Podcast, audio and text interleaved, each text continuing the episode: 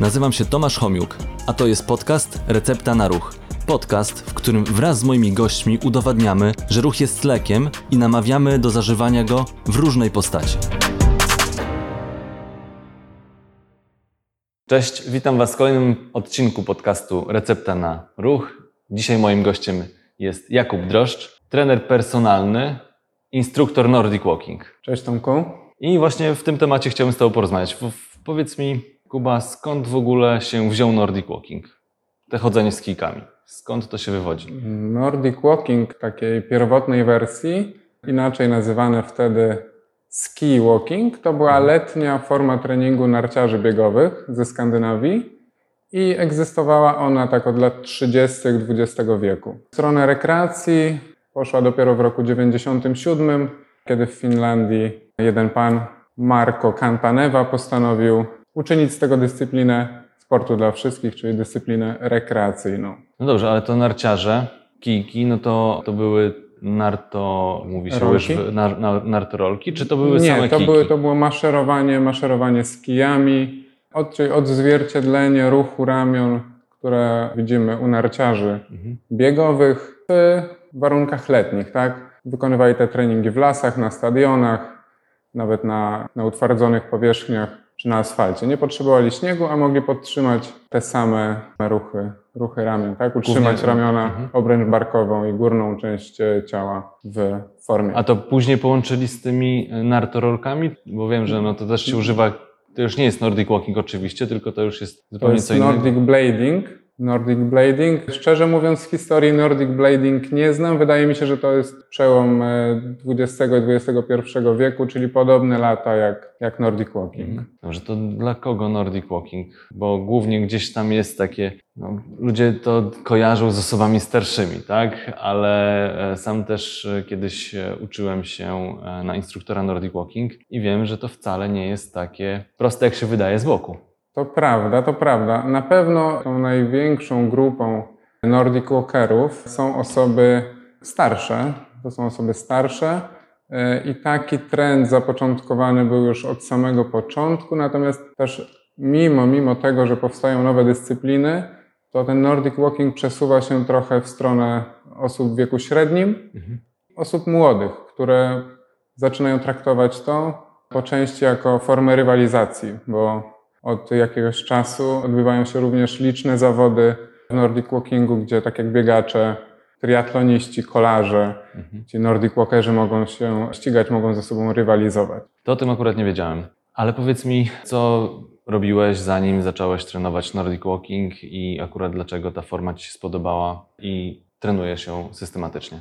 Taka pierwsza aktywność, którą ja pamiętam z mojego życia, to jest na pewno pływanie. Rodzice wcześniej zapisali mnie, e, mnie na basen i, no i wiele lat, wiele lat, może nie pod kątem zawodniczym, ale prozdrowotnym, korekcyjnym, e, również między innymi pływałem, uczyłem się pływać, pływałem.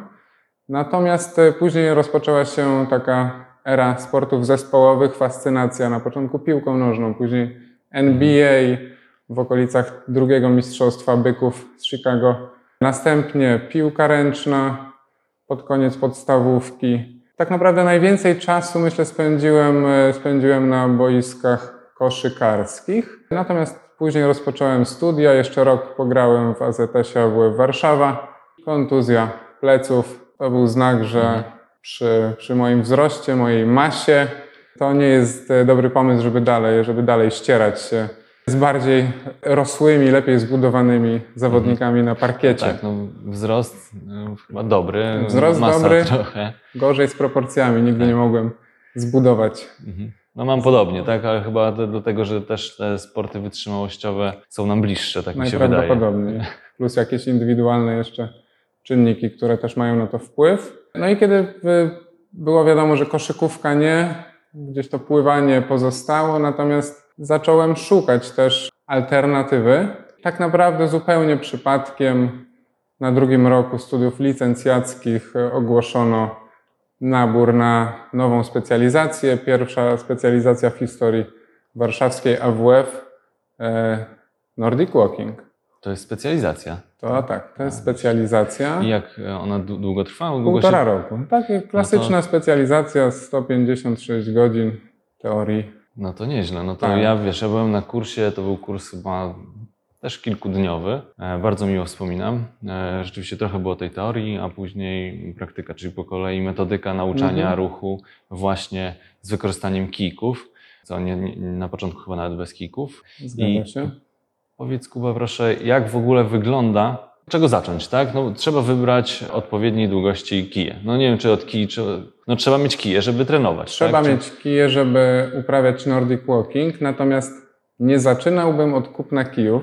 Tak? W ogóle zaczyna, zacząłbym od tego, jeśli już e, postanowiłem, że zainteresowało mnie to, ja bym na pewno zaczął od spotkania z osobą, czy to będzie instruktor, czy znajomy, który już chodzi, z osobą, która jakby Potrafi. wprowadzi, wprowadzi, pokaże, powie właśnie na jakiej zasadzie dobierane są kijki, bo w niektórych sklepach sportowych jest to, jest to norma, że, że obsługa sklepu Potrafi. pomaga, do, tak, potrafi dobrać, dobrać kije.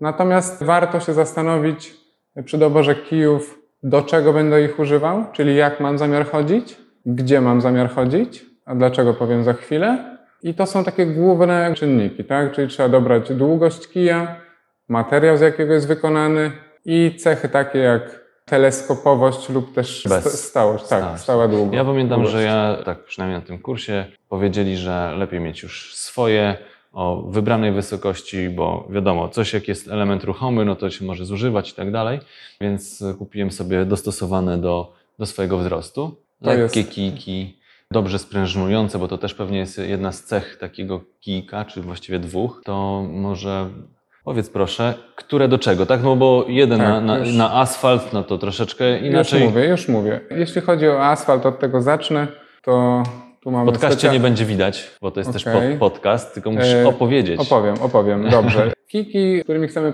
chodzić po asfalcie, to są wszystkie kiki do Nordic Walkingu. Nie musimy się kierować typem kija. Każdy kij, który kupujemy, ma specjalne gumowe nakładki, tak, tak zwane buciki, które po prostu nakładamy y, na groty kijów, czyli na ostro zakończone końcówki kijów, tak żeby po prostu one miękko grały z podłożem podczas y, odbicia, fazy żeby odbicia. łapały tą przyczepność. Nie? Tak, tak, tak, tak, tak. I tak naprawdę to jest tyle, jeśli chodzi o asfalt. Natomiast mamy dwa rodzaje kijów. Kij stały i kij teleskopowy, czyli składany. Kije stałe przede wszystkim, stałej długości, przede wszystkim zalecane są dla osób, które już chodzą, mają określoną tą długość kija docelową, które na pewno dla tych chodzą szybciej, które mają większą masę ciała. Im szybciej chodzimy, im większa masa ciała walkera, Nordic walkera jest, tym ten kij będzie bardziej Pracował. e, bardziej Czy pracował. będzie tak, większym obciążeniom poddawany po tak prostu. będzie poddawany większym obciążeniem i będzie wchodził w drgania. Chodzi o to, żeby tych drgań było jak najmniej, żeby ta siła przełożyła się na, na punkt odbicia, a nie e, gdzieś uciekała w przestrzeni. To jest, to, jest, to jest główne, czyli składane kije, szczególnie dla osób początkujących, które uczą się i prawdopodobnie za jakiś czas będą potrzebowały kija dłuższego, bo wraz e, ze wzrostem poziomu sprawności, wraz z, z wydłużeniem Postawa się kroku, troszeczkę też może tak, zmienić. tak, wraz z poprawą tej sylwetki po, postury, wtedy e, okaże się, że ten kij po prostu musi być dłuższy, żeby wykorzystać optymalnie, e, optymalnie możliwości tej dyscypliny. No jeszcze charakterystyczna to jest ta rękojeść z tą rękawicą, tak? Tak, tak, natomiast rękojeść z rękawicą y, są tak naprawdę we wszystkich kijach do Nordic Walkingu. Kije, które nie mają rękawicy, to są kije trekkingowe, Trekkingowe. lub narciarskie, bo takich No też tak. widziałem adeptów Jeszcze, maszerowania. Jeszcze ta, ta, ta cecha, jaką jest możliwość złożenia kija, jest przydatna dla osób, które dużo podróżują. Są kije, które składają się do metra, ale są takie, które składają się z trzech części. I wtedy ta najdłuższa ma już około 70-65 cm i wtedy może się on Do nawet plecaka. zmieścić do, tak, do plecaka czy do walizki. Także to na pewno jest wybór dla osób, które podróżują niekoniecznie samochodem, może biorą kije na jakieś dalsze wyprawy, wtedy ten sta, ta stała długość kijów będzie przeszkodą w A pytanie jeszcze jedno W mam. transporcie. Czy, czy po górach e, chodzisz, no jak chodzisz po górach, nie wiem, e, ale jak chodzisz Od to, razu, od razu to- skrócę, nie chodzę po górach. Ostatni raz w górach byłem w 2000 chyba drugim roku, więc No dobrze, a czy można po górach chodzić z e, tymi kijami, czy już lepiej w te trekkingowe? one, one zdecydowanie lepiej w trekkingowe, chyba że mówimy o jakichś wzniesieniach, które traktujemy w kategoriach podejść, podbiegów. Natomiast jeśli chodzi o wyprawy górskie, kije do Nordic Walkingu nie są, nie są stworzone, tak, nie są stworzone do, one nie zabezpieczają, tak? One mają zaktywizować większą część naszego, do pracy naszego ciała, więcej, e, więcej mięśni zaangażować e, podczas wysiłku, natomiast one nie będą oparciem takim jak kije trekkingowe. No właśnie, i tutaj dochodzimy do momentu, tak już sam zacząłeś, e, różnicę pomiędzy, e, nie wiem, na przykład zwykłym chodem, a chodem z kijami. Co się dzieje z naszym ciałem i co się zmienia, tak? Właśnie, które mięśnie są bardziej aktywowane, w jakim zakresie, co, jakie efekty można osiągnąć dzięki temu, że się trenuje z kijami, Mhm. zamiast normalnego marszu. Zacznę od normalnego marszu, gdzie aktywizujemy tak naprawdę bezpośrednio, świadomie mięśnie pośladków, mięśnie ud, podudzi, stopę. Pośrednio mięśnie brzucha, No, stabilizujące, tak? tak, naszą postawę. stabilizujące, plus jeżeli ktoś chodzi Szybciej. bardziej intensywnie, ramiona obręcz barkowa, natomiast to jest dodatek. Tutaj w Nordic Walkingu wszystkie z wymienionych mięśni, czyli idąc od góry obręcz barkowa, ramiona, klatka piersiowa, plecy, właśnie brzuch, wszystkie mięśnie core, no i oczywiście kończyny dolne, pośladki są zaktywizowane i zaangażowane porówni w tą pracę Mhm. tak? To już od samego początku, jak tylko w 97 Nordic Walking został ogłoszony taką e, dyscypliną zbawienną dla, dla zdrowia, dla sprawności człowieka, już wtedy było, padło hasło, że one aktywizują do 90% mięśni. Obręczy barkowej, nawet karku. Tak? Wszystko, tak. Wszystko od szyi w górę jesteśmy, że tak powiem, stabilni. Tak. Reszta, reszta jest w ruchu. No i to jest główna, to jest główna, główna różnica podstawowa i tak naprawdę no nie jedyna, bo co za tym idzie? Aktywizujemy większą e, ilość mięśni, przez co spalamy od Więcej. 20 do 30% kalorii, Mhm. kilokalorii. Czyli ten wydatek W tym energetyczny. samym czasie jesteśmy w stanie Tak. więcej spalić. Tak, tak. Im szybciej idziemy, tym ta różnica się zwiększa. Mhm. Przy takim e, marszu w okolicach 5-6 km na godzinę różne badania pokazują wyniki w przedziale 130, 130 tam 8, a 172, a 172 kalorie, Mhm. kilokalorie. Czyli to jest te 20%. W momencie, kiedy przyspieszamy, no ta, ten wydatek jest zdecydowanie wyższy. No bo dłużej pracują te same grupy mięśniowe, Tak. które są bardziej aktywizowane. Tak. Tak, tak, tak. Dłużej i mocniej. Natomiast co jeszcze? Na pewno tętno. Tętno, średni wzrost tętna o 15% w, w zestawieniu z normalnym chodem.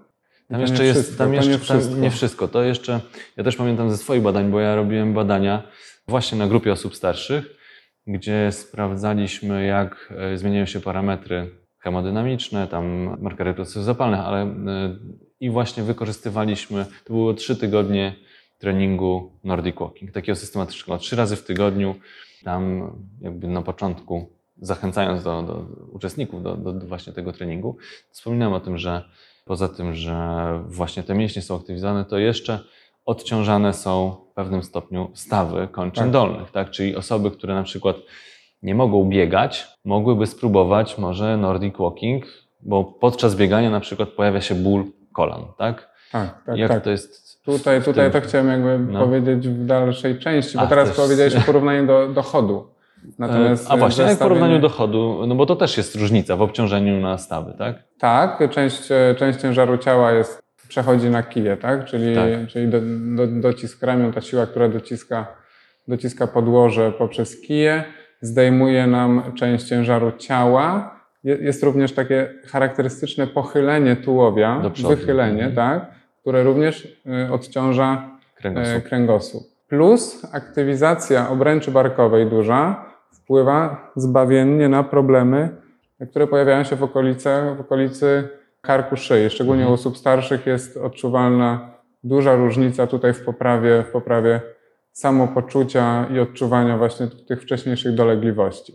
Czyli te częste bóle w odcinku, właściwie przejście szyjno-piersiowy, tak? Tutaj. tak, tak. te okolice. Ja również prowadziłem badania jeszcze chyba na ostatnim roku studiów na grupie, z którą ja chodziłem, którą zaczynałem chodzić. To były osoby, które były aktywne, aktywne fizycznie w wieku po 65 roku życia, które zaczynały swoją przygodę z Nordic Walkingiem. I akurat wziąłem się za porównanie takich, takich cech motorycznych jak gibkość i tutaj była gigantyczna różnica, bo oprócz tego, że w Nordic Walkingu chodzimy, Tak.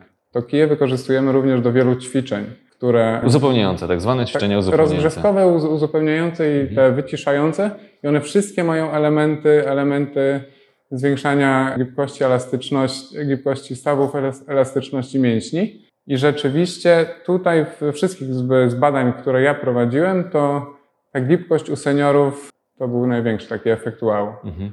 Tam byli, były osoby pod 90, pod 90 rok życia, które no tak naprawdę z bardzo, z bardzo takiej ograniczonej ruchomości w obrębie obręczy barkowej były w stanie zrobić agrafkę i wcale nie, nie gorzej niż część moich Młodszych. rówieśników.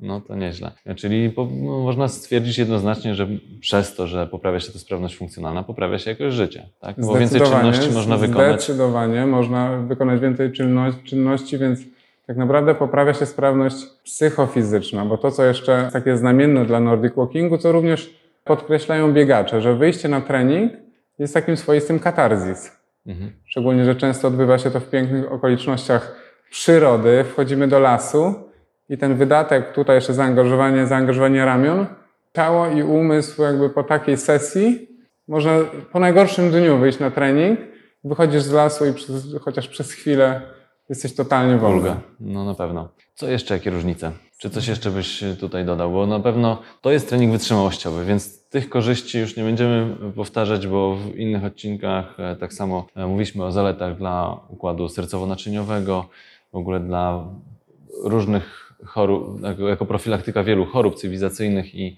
i wydłużamy sobie tak naprawdę życie dzięki treningowi wytrzymałościowemu, bo to jest, bo to jest trening wytrzymałościowy, który angażuje nasze całe ciało. Czy tutaj powiedzieliśmy też o dobrym wpływie na stawy, kręgosłup? Na Dałeś kość- na kości. Znaczy też na, na, na kości. Na to kości, czyli- jakby trening. W, no właśnie, ciekawy jestem, czy to, jest- skoro to jest trening w odciążeniu pewnym dla kończyn, to nie wiem, czy widziałeś takie badania, bo ja nie, nie, nie, nie, nie szukałem Mhm. takich badań, ale to, co jest w odciążeniu, to y, niezbyt dobrze wpływa na kości, a to, chodzi, co mi, jest chodzi mi o, o, górne partie. o górne o górne partie, to, partie. to, to na pewno tak, Tak. No bo tam działasz odpowiednią siłą, no to, to na pewno. Natomiast Nie wiem, jak to jest na przykład, gdyby tam e, zbadać, e, czy są takie badania, które pokazują, że na kość udową na przykład, jak to wpływa, tak, na gęstość tkanki e, kości udowej, bo, bo to, co jest w odciążeniu, to na pewno no, nie powoduje e, zwiększenia gęstości. To, to musi być Nie, nie, ja tutaj miałem na myśli górne partie, czyli właśnie przede wszystkim, przede wszystkim ramiona. Natomiast jeśli chodzi o uda, myślę, że wielkiego wpływu to odciążenie nie ma, bo ono też nie jest, ono też nie jest znaczne, tak?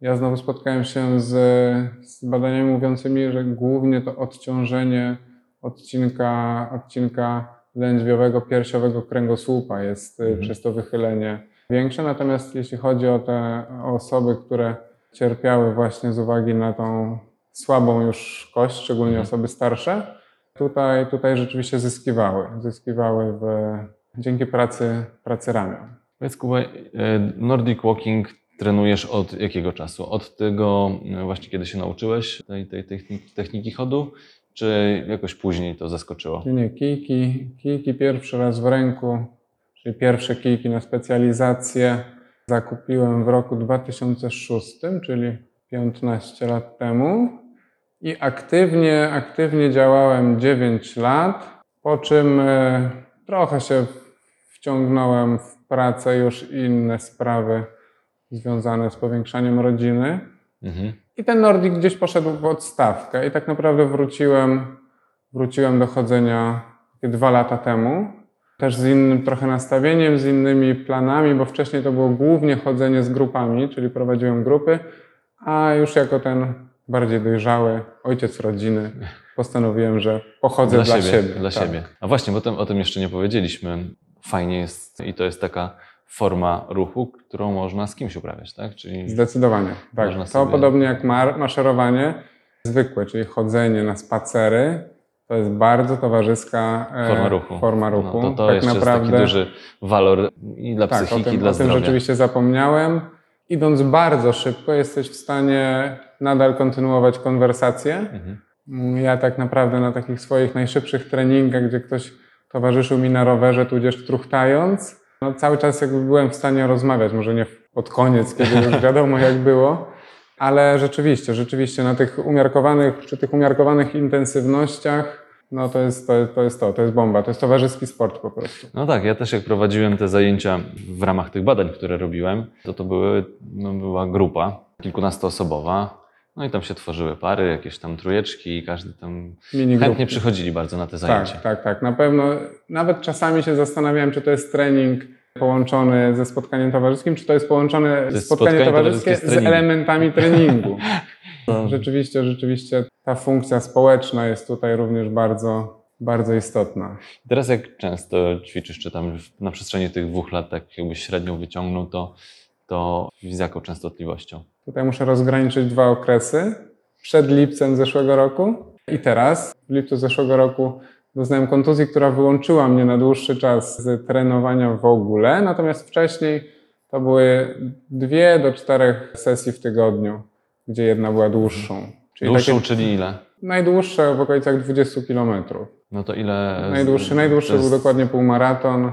Dwie godziny? robiony po Warszawie, dwie, trzema godziny- mostami dwie, warszawskimi. Dwie godziny, czy mniej więcej? Dwie i pół godziny. Dwie i pół maraton. godziny. Mhm. Tak, to jest tempo w okolicach 7, No bo to już jest 7 takie minut na kilometr. dobre, dobre bieganie, nie? To jest takie spokojne bieganie, o tak Mhm. powiedziałbym. Natomiast nie można oderwać dwóch stóp od podłoża. No tak, tak.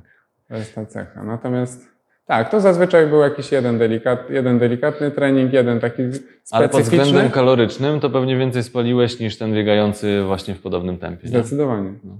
Zdecydowanie, bo ja to, tak, tak. No szczególnie, że przy tych, ja jak chodziłem sam, to były wartości tętna w okolicach 175, no to tak powiedziałbym regularnie. 175? Tak, regularnie. No to już wysoko, wysoko. To już trzeba, Biorąc pod uwagę trzeba było te- zasuwać. Ten, tak. e, no to ciebie to jeszcze nie, nie sięga, tak? E, Mnie na szczęście też jeszcze nie, ale te 220 minus wiek, no to tam trzeba uważać, jak się tam do 190 dochodzi na Tak. przykład, nie? No mnie by już dosięgnęło, zdecydowanie. Tak, tak. no mnie starałem też, się mnie do, też, ale to do wiesz, nie chciałem 185 zdradzić, nie, nie chciałem zdradzić do końca, ile to jest te nasze. Dobrze, to czyli, czyli a chodzisz bardziej właśnie w lesie, czy też modyfikujesz? 90, 95% to jest las. Las, ponieważ zarówno ukształtowanie terenu, terenu leśnego, tak, zdecydowanie mój ulubiony lasek, las bielański, stworzony po prostu, jeśli jako obszar miejski do, do uprawiania, e, do uprawiania moim zdaniem wszelkich tlenowych, tlenowych dyscyplin. Mnóstwo podejść, dłuższe odcinki, krótsze. Trzeba wchodzić w wiraże. No to jest na pewno, to jest na pewno bardzo fajne miejsce do uprawiania tej formy. Zdarzały mi się również wypady do pracy, no i wtedy już trzeba było założyć buciki, chociaż ja nie lubię chodzić z bucikami. Ta przyczepność do naturalnego podłoża przy wbiciu grota, kija jest zdecydowanie lepsza. Jakie, buci, jak, jakie buciki nie byłyby dobre, to zawsze ten kij gdzieś tam będzie się ślizgał i ta, to oparcie jest ograniczone. Natomiast zdarzały mi się no, odcinki również chodnikowe, których osobiście nie polecam. Jeżeli ktoś nie ma innej możliwości, to lepsze to niż, Nic, nic. niż nic. A mówisz tak, Nordic Walking, czyli no chodzisz z kikami, ale wiem, że też niektórzy biegają z kikami. Nordic, tak, jest Nordic, Nordic Running. Ja robiłem to jako taką formę uzupełniającą, natomiast też nigdy, nigdy głębiej w ten temat nie wchodziłem, więc robiłem to na czuja, tak? Mhm. Po prostu Nordic Walking biegnąc. Natomiast tutaj e, nie mam aż takiego doświadczenia, żeby. No ja to się- też pamiętam, próbowałem tylko i wyłącznie podczas tego kursu instruktorskiego, to tam próbowaliśmy. No nie jest to łatwe, tak? No to, to kwestia wyrobienia techniki, tak? Tak, tak, tak. No specyficzna, na pewno, na pewno specyficzna technika tutaj będzie. A Troszkę propos inna. techniki właśnie, o to chciałem spytać. Na co zwrócić uwagę głównie? No to najlepiej to było zobaczyć, czy spotkać się z instruktorem, tak? Ale no chociaż takich kilka sugestii, czy uwag, Tak. czy takich rad, które praktycznych, które można by było dla siebie, nawet nie, nie widząc, tylko słuchając tego Mhm. podcastu, wyciągnąć?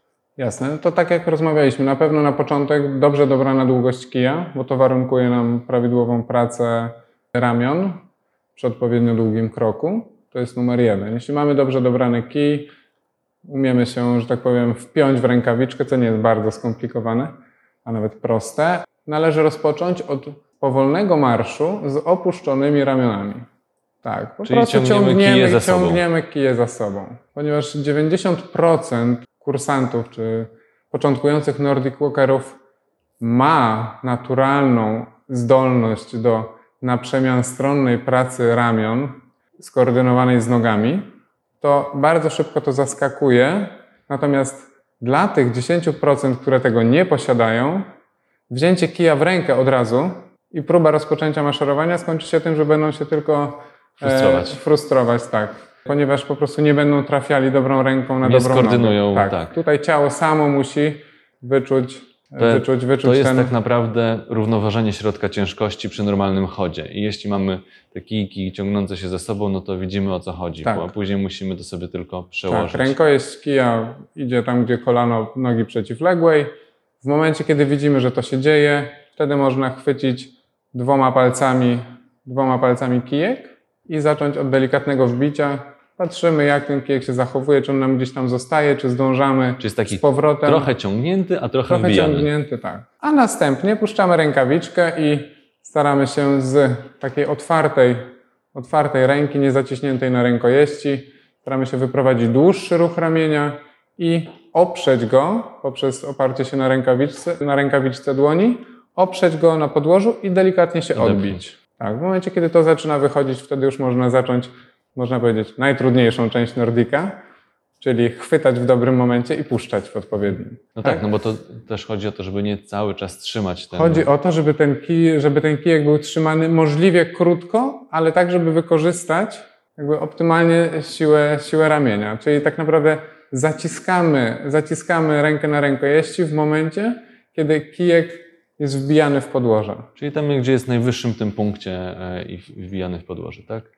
Najwyższym i najdalszym, bo tutaj w Nordiku mówi się o najdalszy, najdalszym, bo częstym błędem również osób, które się uczą same, jest to, że podnoszą y, kijki przez zgięcie Ramię. E, w, tak, w stawie łokciowym. W stawie łokciowym, tak. Chodzi o to, żeby wyprowadzić ramię, staw barkowy, wszystkie, wszystkie idą do przodu, tak? W momencie, kiedy wyprowadzimy maksymalnie daleko, wbijamy kijek tak, żeby ten grot kiju, e, kija, czyli wypadł mniej więcej po środku między nogę zakroczną a wykroczną. Czyli w połowie długości kroków. Tak, w połowie długości kroku. trochę. Tak, tak, tak, tak. Wbijamy w połowie długości kroku. Dopóki jesteśmy w stanie utrzymać rękojeść w pełnym zacisku, odprowadzamy ramię do tyłu i w pewnym momencie, żeby móc jeszcze kawałek przejść na tym jednym odbiciu, musimy go puścić. Czyli wyrzucamy, znaczy wyrzuc- puszczamy, puszczamy. on leci w tył sam. Wy- Wyrzucamy go przy takim bardziej energicznym, energicznym marszu, puszczamy i on taki mm, zwisający, że tak powiem, na rękawiczce, rękawiczce. wraca do przodu do punktu, w którym znowu się następuje wbicie No i i- zaciskamy. Za, I tak. Cykl. I wy... Tysiące kroków. Tak. Tak. Tak. Także, tak więc y, to są te elementy. Warto pamiętać o tym, żeby wychylić tu do przodu, żeby odciążyć rzeczywiście ten kręgosłup i podnieść głowę. To jest też częsty błąd, że Patrzymy w dół. patrzymy, patrzymy w dół. Czy na pewno się w połowie długości tym, kroków z tym wbijemy. wy też, Ale to jest też tak, że jeśli dobierzemy odpowiednią długość kija i odpowiednio właśnie daleko wysuniemy całą rękę, właściwie ramię przed ramię, to wtedy nam powinno się wybić w połowie długości kroku. i dostosujemy długość kroku do tego, Tak. to tak. Tak jak ja na swoim przypadku mogę powiedzieć, teraz, w momencie, kiedy mój krok jeszcze po kontuzji nie wrócił do tej pełnej długości, to ja idąc na kijach takich 135 cm, które jakby są dla mojego chodzenia optymalne według wzoru i celu, nie trafiałbym, tak? Po prostu byłyby, byłyby za, za długie. One by zostawały, zostawały z tyłu. No dobrze. To powiedzieliśmy o technice, powiedzieliśmy o jakie, jakie kije, jaki teren. Czy coś jeszcze warto by było z takich rad odnośnie Nordic Walking? Czy, czy coś nie powiedzieliśmy, o czym warto było powiedzieć?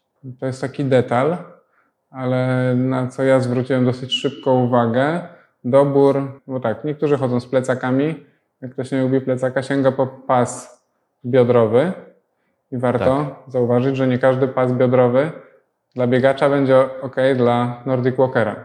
On musi być, Być mocno przy ciele, tak? on musi być mocno przy ciele i nie posiadać elementów, które, Z boku. Które tak. są z boku. Tak? Bo ta prawidłowa technika jednak, jednak No mówi tak jak o tym, biegniesz, żebyśmy... to masz e, często z, e, zgięte w łokciach, a, Tak. a tutaj masz ręce Tak, bardziej wyprostowane, które są blisko wszystko, bioder. wszystko, co będzie odstawało od tych bioder, będzie, Przeszkadzało. będzie przeszkadzało i znowu pojawi się niepotrzebny stres, który w ogóle przy tej dyscyplinie nie powinien się pojawiać. No najlepiej, żeby przy każdym sporcie, chociaż ten stres na pewno jest w sporcie zawodowym, no bo tam jest ta Tak. rywalizacja. No i jak są zawody w Nordic Walking, to tam też pewnie trochę z tego stresiku jest. Pewnie jest. Ja sobie wymyśliłem je jakiś czas temu, taki start w zawodach i nawet cel obrałem bardzo wysoki, natomiast mam nadzieję, że niedługo do tego wrócę. Natomiast ja się jeszcze nie ścigałem. Jestem strasznie ciekaw, jak to, to wygląda, bo wiem, że zapaleńców tej dyscypliny jest bardzo wielu, takich, którzy Tam się kijkami nie obijają po ścigać. drodze. No, na szczęście są sędziowie na trasie. Podobnie jak w chodzie, na dobrych zawodach są sędziowie, dosyć często rozstawieni, są żółte kartki, czerwone kartki, więc, O, to ciekawe. e, więc tam naprawdę i tam trzeba rzeczywiście iść zgodnie z techniką. Nie można iść po swojemu, ten kijek musi pracować, rę- ręka musi pracować tak jak, Jak trzeba? tak jak Czy tam trzeba. Nie można wziąć I też jest sprawdzane, czy, czy w dobrym momencie wbijasz kijek? To jest jakby jeden z elementów prawidłowej techniki, a trzeba chodzić techniką, technicznie. Bo nie wiem, czy wiesz, pewnie, pewnie wiesz, czy jesteś w stanie szybciej iść z kijami, czy bez. No podejrzewam, że szybciej z kijami, no bo angażuje dodatkowo. e, Nie da się pójść tak szybko z kijami jak bez. Jeśli A, chodzi, no o tak, w widzisz, Nordiku główną, w Nordiku główną przewagą tej dyscypliny, tak na tą chwilę dla mnie jest to, że pracuje góra. Natomiast szybciej pójdzie się chodem sportowym. W momencie, gdyby tutaj ktoś pojechał na No Nordik, bo może dlatego, że więcej energii zużywasz właśnie przez to, że pracujesz kijami. Nie wiem, no jak, jakoś to trzeba wytłumaczyć. Ja bym wytłumaczył to tak, że nie jesteś w stanie e, z takim chodem, czyli z krokiem chodu sportowego, zgrać pracy ramion. Tam jest troszeczkę, troszkę inaczej zachowują się względem siebie obręcz barkowa Biodra, i, obręcz biodra, barkowa, tak. tak. I nie da się tego synchronizować. Nie, no to ja w ogóle jak sprawdzałem sobie, jak ci chodziarze, z jaką prędkością chodzą, ci zawodowi, Mhm. no kurczę, ja nie jestem w stanie tak pobiec chyba. Tak jest, tak jest. Ja miałem przyjemność uczestniczyć w, w treningu chodu sportowego kilka razy i no muszę powiedzieć, że to jest coś niesamowitego. Jak kiedyś oglądałem na Igrzyskach Olimpijskich chodziarzy, wtedy z naszym mistrzem, to muszę Będzie tutaj powiedzieć, w że... podcaście już tam Będzie? termin dogrywamy, tak. Dobrze, dobrze. Ma o czym opowiadać, ma o czym mówić i rzeczywiście on pokazał, że niesamowicie szybka, szybka forma. Natomiast jeśli chodzi o zawody nordikowe, tak pójść nie można, bo dostanie się po prostu od razu. Myślę, że nawet nie upomnienie, tylko czer- Czerwoną czerwoną kartkę, bo tak jak ja porównywałem moje takie tak zwane międzyczasy szybsze, to z kijami pójść szybciej niż 10 km na godzinę przez dłużej niż kilometr, to jest dla mnie na, Mhm. na lipiec zeszłego roku było niewykonalne. Natomiast pójść szybciej niż 6, 10 km na godzinę pół roku po kontuzji normalnie było ok. Czyli ta różnica jest znaczna, Mhm. znaczna, no a w Nordiku trzeba pilnować techniki i dbać o, o całe ciało. Tak, tak. Powiedz mi, trenujesz kogo głównie? Obecnie Tak. Znaczy w ogóle, Też jak tak, ja trenowałeś? za- no, jako, zacząłem jako, jako tak, ja- instruktor Nordic Walking, to zacząłem, głównie z, kto się do ciebie zgłasza? zacząłem z seniorami, tak? to były grupy, ja się, ja się że tak powiem, zgła, zgłaszałem do, do, do jakichś tam stowarzyszeń i innych, e, innych form e, zrzeszających e, osoby starsze, żeby aktywizować je. Natomiast później przeszedłem w stronę treningów indywidualnych. No i to są często osoby w wieku średnim, tak naprawdę, które bardzo by chciały coś porobić, kiedyś biegały, a nie mogą. Tak. Chcą zacząć coś w ogóle, ale bieganie im Nie zupełnie nie leży, bo nie podoba im się to, a Nordic jako coś nowego jest alternatywą. I to jest to, plus, plus osoby, którym wiem, zamknięto siłownię, a trakcie tej długiej przerwy, którą mieliśmy w zeszłym roku, a chciały dalej coś robić, nie chciały trenować same w domu. To, to, są, to, to są te grupy. No, głównie, głównie, głównie mówię, osoby w wieku średnim, rzadko osoba starsza sama się zgłosi na zajęcie. Ona musi być w jakiejś grupie, albo musi mieć jakąś koleżankę, tudzież jakiegoś kolegę, który już to robi, który ją wciągnie. Osoby starsze się po prostu same z siebie nie zgłaszają. Szczególnie do form aktywności uprawianych na zewnątrz, w lasach, raczej, raczej nie. E, To może na koniec jeszcze zadam Ci takie standardowe pytanie, które zajdziemy. Może masz jakąś swoją receptę na ruch? Co takiego właśnie, żeby chcieć, zachęcić się, no Na pewno pierwszym e, będzie rozbudowana recepta. tak? E, Pierwszy punkt. Popróbować różnych form aktywności, bo wcale nie ta pierwsza, która nam się spodoba, jest tą, którą prawdopodobnie chcielibyśmy uprawiać przez lata. Tak? Często za, fascynuje nas coś, co Jest zobaczyliśmy. modne na przykład. Jeszcze raz? Albo coś, jest, co jest modne Tak, coś, co jest modne, albo coś, co nas po prostu zainteresowało i na tym się zatrzymujemy. Moim zdaniem, tak jak przykład, przykład teraz mi przyszedł do głowy, lato w mieście w Warszawie, które jest organizowane. Dzieciaki przychodzą i przez pierwszy na przykład tydzień mają do wypróbowania różne, różne tam przez pierwsze trzy dni, różne dyscypliny i później jakby wybierają sobie, sobie te, które chcą, które chcą Które się najbardziej spodobały. tak, które im się najbardziej spodobały, które chcą kontynuować. I moim zdaniem trzeba rzeczywiście popróbować, żeby się przekonać, czy to jest to, czy to jest rzeczywiście naj, najfajniejsze, czy to jest po prostu fajne, bo nie znamy żadnych innych, Innych, form. tak. No i No, drugi tych form punkt- jest dużo. Tak, zdecydowanie. prób- Także można tak naprawdę recepta na ruch próbować wszystkiego. No właśnie o, to, tych E, form, te formy pokazujemy, tak? Tak, i ważne, i tak, tak, to jest tutaj świetny, świetny, świetny punkt. Yy, no i nie szkodzić sobie. Tak, czyli wybrać formę, która, która po prostu nie, nie spowoduje, że ten nasz ruch spowoduje większe straty niż, Korzyści, tak. niż korzyści. Że zawsze jest tak, że jak jakieś czytamy rekomendacje, zalecenia, to na pewno więcej jest korzyści z jakiejkolwiek aktywności niż nie robienie nic, ale zawsze lepiej wybrać coś, co będzie dopasowane do Tak. naszej wydolności, do naszych możliwości funkcjonalnym, bo niektórzy mają lepszą siłę, niektórzy mają lepszą wytrzymałość i trzeba poszukać takiej właściwej. Ja myślę, że to szukanie to jest y, według mnie ta recepta. Czyli to szukanie porównywania. Żeby rzeczywiście znaleźć coś takiego, co, co sprawi nam taką.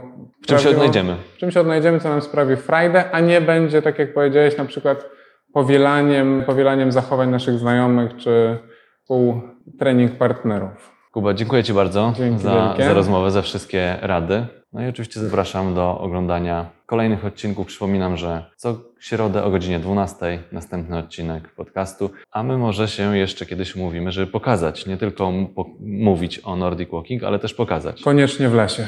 No to poszukamy lasu i wtedy nagramy odcinek, puścimy na YouTube. Jeszcze raz dzięki Kuba. Dzięki wielkie Tomku.